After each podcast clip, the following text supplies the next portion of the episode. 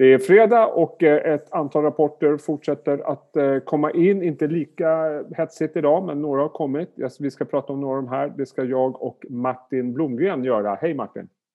Tjena Jesper! Eh, vad, vad, ska vi börja? Jo, jag tänkte nästan börja med Bravida som jag brukar ha lite koll på för jag tycker det är väldigt intressant att följa deras tillväxt. De redovisar ju med organisk tillväxt och förvärvstillväxt, eh, vilket mm. jag tycker är väldigt intressant. Jag noterar, eh, om man tittar i grafen, att den organiska tillväxten fortsätter eh, vara lite sämre än vad vi är vana vid. Även förvärvstillväxten är lite, trendar lite neråt. Men, jag är ju liksom en eh, sån där analytiker som tycker om organisk tillväxt. Jag tycker alltid det är viktigare än förvärvstillväxt. Och jag tror nog att den här siffran behöver komma upp lite grann för att vi ska mm. se något drag i aktien. Det här är ju ett bolag, det känns ju som att de kan komma tillbaka efter att pandemin har lagt sig för de påpekar flera gånger att pandemin påverkar det här och, och det påverkar säkert förvärvsarbeten och due diligence och liknande. Men, men, eh, men. Resultatet var väl rätt okej va? Ja, och det har ju varit en röd tråd i den här rapportperioden mm. att vi har sett eh, generellt sett lägre omsättning men eh, väldigt mm. fina resultat vilket är ju oerhört glädjande men kanske lite bekymmersamt också. För frågan är hur eh, uthålligt det är med de här typerna av marginaler. Mm. Vi, vi, vet ju att eh, eh, kostnaderna har per automatik kommit ner väldigt mycket med tanke på resor, konferenser och mässor och så vidare. Så mm. det är en röd tråd, det håller jag med dig om. Mm. Ja, och det kommer, det kommer framförallt att bli en nyckelfråga i Q1 och Q2 hur mycket av de här kostnaderna som som man trodde var borttagna som studsar tillbaka igen så fort allt normaliseras. Exakt, ja, det blir oerhört intressant. Men, men eh, jag hade nog hoppats på lite bättre från Bravida måste jag mm. säga. Aktien är lite lugnare. Martin, du har tagit en titt på Boliden. Yes, och där ser vi allting, om man ska sammanfatta det, allt, allt ser fantastiskt ut. Ja, men de har ju på något sätt allt, nästan allt med sig i alla fall det här kvartalet. Det går bra i gruvverksamheten, smältverken går bra, metallpriserna är höga. Det verkar inte som de har haft några störningar egentligen internt. Så att allt de kan göra själv eh, gör de bra och så har de då höga metallpriser. Sen har de ju dollarn mot sig, men det var ju ingen, ingen skräll för någon. Och som vanligt så höga volymer och bra priser truffar ju eh, valuta motvind oftast. Och eh, och på det då så kom de med en extra utdelning som var eh, högre än väntat. Och eh, de har ju en fantastiskt stark eh, balansräkning efter det här efter eh, en bra period så att det normalt sett kanske man skulle vara orolig om ett eh, gruvbolag börjar dela ut alldeles för mycket pengar eftersom det är en svängig sektor men, men eh, den här utdelningen täcks ju med råge liksom av kassaflöde och vinst under fjolåret så att det, det ser otroligt positivt ut. Och aktien tar ett skutt upp eh, mm. 6 procent ungefär när du och jag spelar in det här. Precis som eh, även Garo gör idag. Den eh, går upp ja. ytterligare 5-6 procent. Det här är ju ett oerhört eh, intressant case. Den har ju dragits upp till eh, oerhört höga nivåer eh, i och med att den har dragits med det här ESG historien. Mm. Och, ja, det ser nästan ut som kopparpriset när man tittar på det det rätt upp i. Precis. För, för, och jag menar, när jag tittar på den här rapporten, precis som du har pratat om tidigare, lönsamheten eh, kommer upp. Eh, den organiska tillväxten fortsätter att eh, förbättras. Mm. Men det jag reagerar lite grann på, om jag ska vara lite grann djävulens advokat. Det här är en aktie som jag vet faktiskt inte vad värderingen ligger på Garo. Jag vet bara att kursen har gått hur som helst. Jag skulle gissa att den ligger på kanske 50 P tal mm. för årets vinst. Jag vet att du har räknat lite grann på det. Jag vet inte om det låter korrekt. Kanske till och med lite mer. Ja, men där någonstans. Nu kommer det väl att ändras lite efter en bra rapport, men väldigt högt kan vi ju summera det med. Och när jag då tittar på den organiska tillväxten i Garo de senaste fyra kvartalen så var det 9% om jag eh, hade rätt det här kvartalet. Eh, jag tror det var 5% i Q3. Det var svagt negativt i Q2 det var noll i Q1. Och jag känner att ja, det är väl skiljer sig inte så mycket från andra under pandemiår. Mm. Eh, och jag kan känna att med den här ESG-stämpeln, och det, det, finns en strukturell tillväxt, det råder ingen tvekan om i det de håller på med. Det, det, det de, de, är otroligt rätt exponerade, men man kanske vill se ännu lite mer. Mm. Eh, inte minst på topplan med, med den värderingen och den kursutvecklingen. Så att, eh, ja. Jag vet inte. Ja, det, blir otroligt, det blir otroligt känsligt när man har de här höga värderingarna för eventuella hack i kurvan eller att det planar ut. Så att det gäller att fortsätta slå, slå prognoser och, och fortsätta växa ännu snabbare helst om, det, om man ska växa Precis. in i den här värderingen. Ja, eh, jag tror man ska ha lite koll på det där i alla fall. För jag, jag hade nog, jag hade liksom inte kollat på Garo så mycket tidigare, men jag hade nog räknat med att tillväxten skulle vara mycket, mycket högre när jag, mm. när jag började titta. Men eh, det kommer säkert framöver i och med den strukturella tillväxten.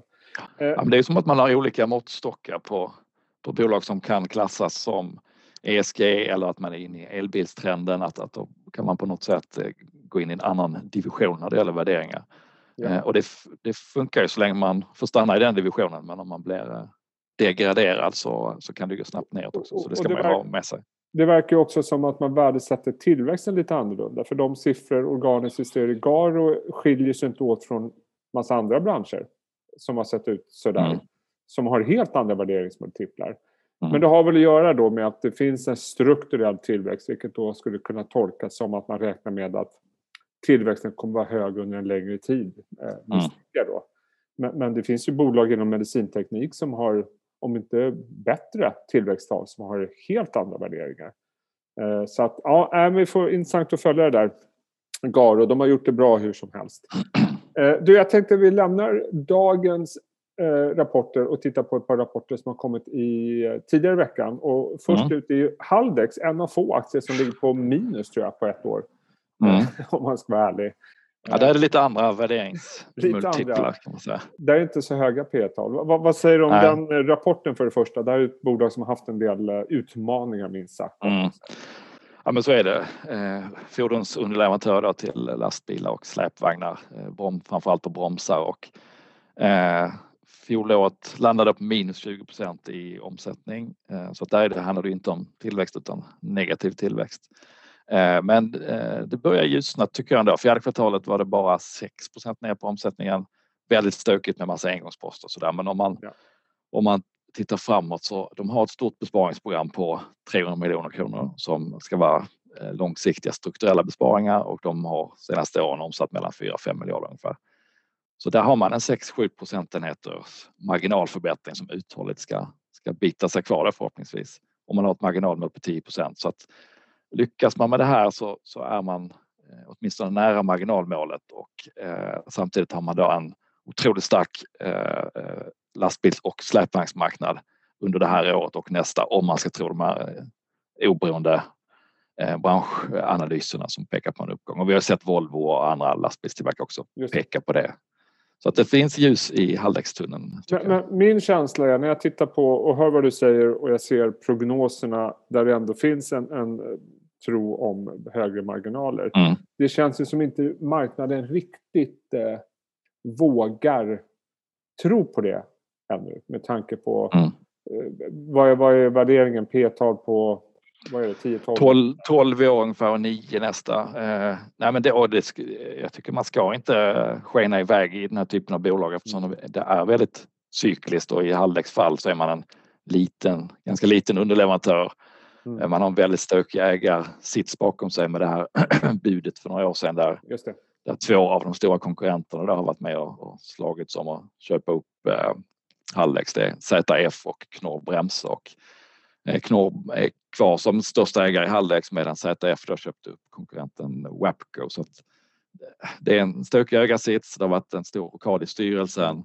så att det finns en väldig massa oros, osäkerhetsmoment. Men men, men om de börjar rätas ut en efter en under det här året med en bra marknad i ryggen så, så tror jag att aktien fick lite stryk på, på rapporten. Så att, eh, jag tror om man, om man är lite åt det eh, vågliga hållet så kan ja. man ju plocka upp den nu och få en bra resa närmsta året. Mm, ja, intressant case där. Det, det pratas inte så mycket om det. Eh, och sen har vi då Inwido som är, mm. man får väl ändå säga att det är en, eh, kan man säga att det är en coronavinnare ändå? Eh, de har inte så skyhög tillväxt men de lever ju lite grann på det här med renovering och hela den här biten. Mm. Och jag tycker rapporten var väl den var väl helt okej. Det var väl väldigt mycket ja. som förväntat. Va? Det var inte så jättestora ja. avvikelser. Vilket kan vara skönt. Ja, det kan vara skönt. Eh, nej, men det var nästan precis som, som förhandstipsen. Och det är ju ingen mm. stor tillväxt att prata om där. 1-2 procent upp organiskt. Eh, men hyfsat låg värdering. De har också en strukturell eh, långsiktig medvind i att, eh, att de är då stor fönster och även dörrtillverkare i Europa, en av, en av största, om inte den största i Europa. att eh, vi blir fler, vi behöver fler bostäder, det finns ett stort renoveringsintresse eh, och nu på sista tiden har man ju sett intresset för fritidshus skena iväg.